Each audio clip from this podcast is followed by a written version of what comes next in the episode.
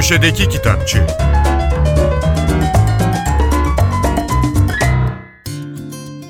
Merhaba, ben Adnan Bostancıoğlu.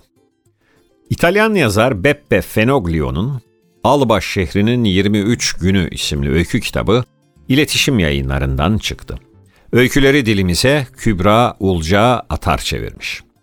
Önce Beppe Fenoglio'yu kısaca tanıyalım. Zira Alba şehrinin 23 günü yanılmıyorsam Türkçedeki ilk kitabı. Fenoglio 1922 Alba İtalya doğumlu. 1940 yılında girdiği Torino Üniversitesi'ni bitirdikten sonra 1944'te Lange'de Nazilere karşı yürütülen İtalyan direnişine katıldı. Kitaplarını savaştan sonra yazmaya başladı. Ayrıca İngilizceden çeviriler yaptı. Bugün sözünü ettiğimiz Alba şehrinin 23 günü 1952 yılında yayımlanan ilk kitabı. Bu dönemde Italo Calvino ve Natalia Ginsburg ile tanışıp dost oldu.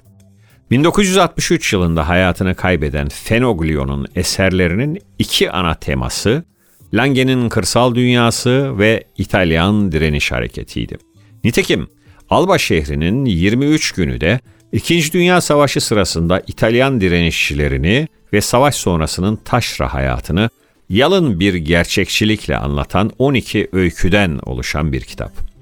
Az önce ifade ettiğim gibi Beppe Fenoglio kendisi de bir partizan olduğu için hikayelerinde daha ziyade kişisel deneyimlerinden yola çıkmış. Bu hikayelerde ellerinde dededen kalma tabancalarıyla Piemonte dağlarında faşistlerle karşı karşıya kalan gencecik insanlara samimi bir bakış yöneltiyor.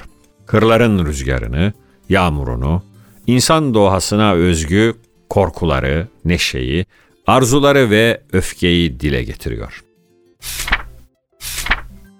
Profesör Doktor Yüksel Çelik'in Rami Kışlası 2. Mahmut devrinde aydın despotik modernleşmenin karargahı isimli çalışması Vakıfbank Kültür Yayınlarından çıktı.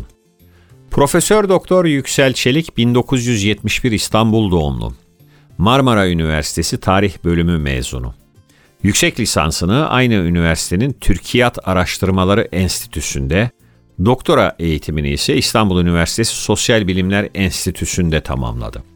2011 yılında doçent, 2017'de profesör ünvanını aldı. 2019-2021 yıllar arasında Kazakistan'da Ahmet Yesevi Üniversitesi'nde öğretim üyesi ve Sosyal Bilimler Fakültesi dekanı olarak görev yaptı.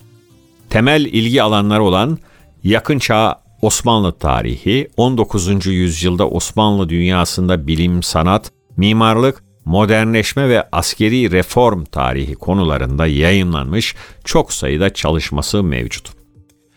Rami Kışlası bilindiği gibi kısa süre önce İstanbul'un en büyük kütüphanesi olarak hizmete açıldı.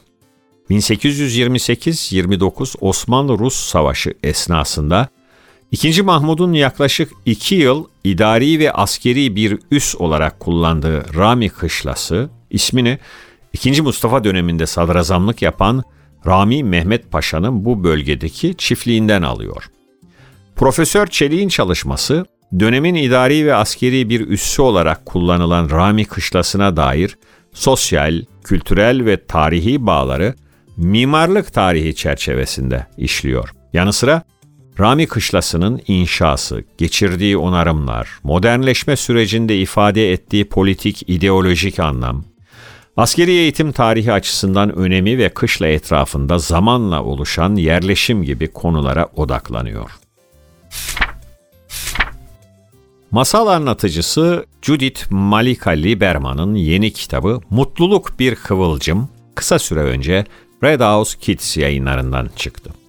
Masalı Zeynep Özatay resimlemiş. Liberman 1978'de Paris'te doğmuş, akşamları ateş başında masalların anlatıldığı bir komünde büyümüş. Sonra kendisi de bir masal anlatıcı olmuş. Nitekim Liberman'ı NTV Radyo'da yayınlanan Masal Buya isimli programdan hatırlarsınız. Mutluluk bir kıvılcım, turşucu Feride teyzenin hikayesi. Yıllarca sirke ve turşu yapıp pazarda satan Feride teyzenin evi buram buram sirke koktuğu için komşuları evine sirke küpü diyor.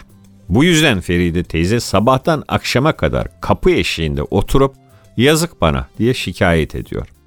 Derken bir gün bir mutluluk perisi kasabanın üstünden geçerken sirke küpünden yükselen mutsuzluk bulutlarını fark ediyor ve Feride teyze için hayat hızla değişmeye başlıyor. Liberman'ın şarkılı masallar serisinden çıkan Mutluluk Bir Kıvılcım'ın arka kapağındaki kare kodu telefon ya da tabletinize okutarak serinin diğer kitaplarında olduğu gibi bu masalı da Liberman'ın anlatımı ve şarkıları ile dinleyebiliyorsunuz. Herkese iyi okumalar, hoşçakalın. Köşedeki Kitapçı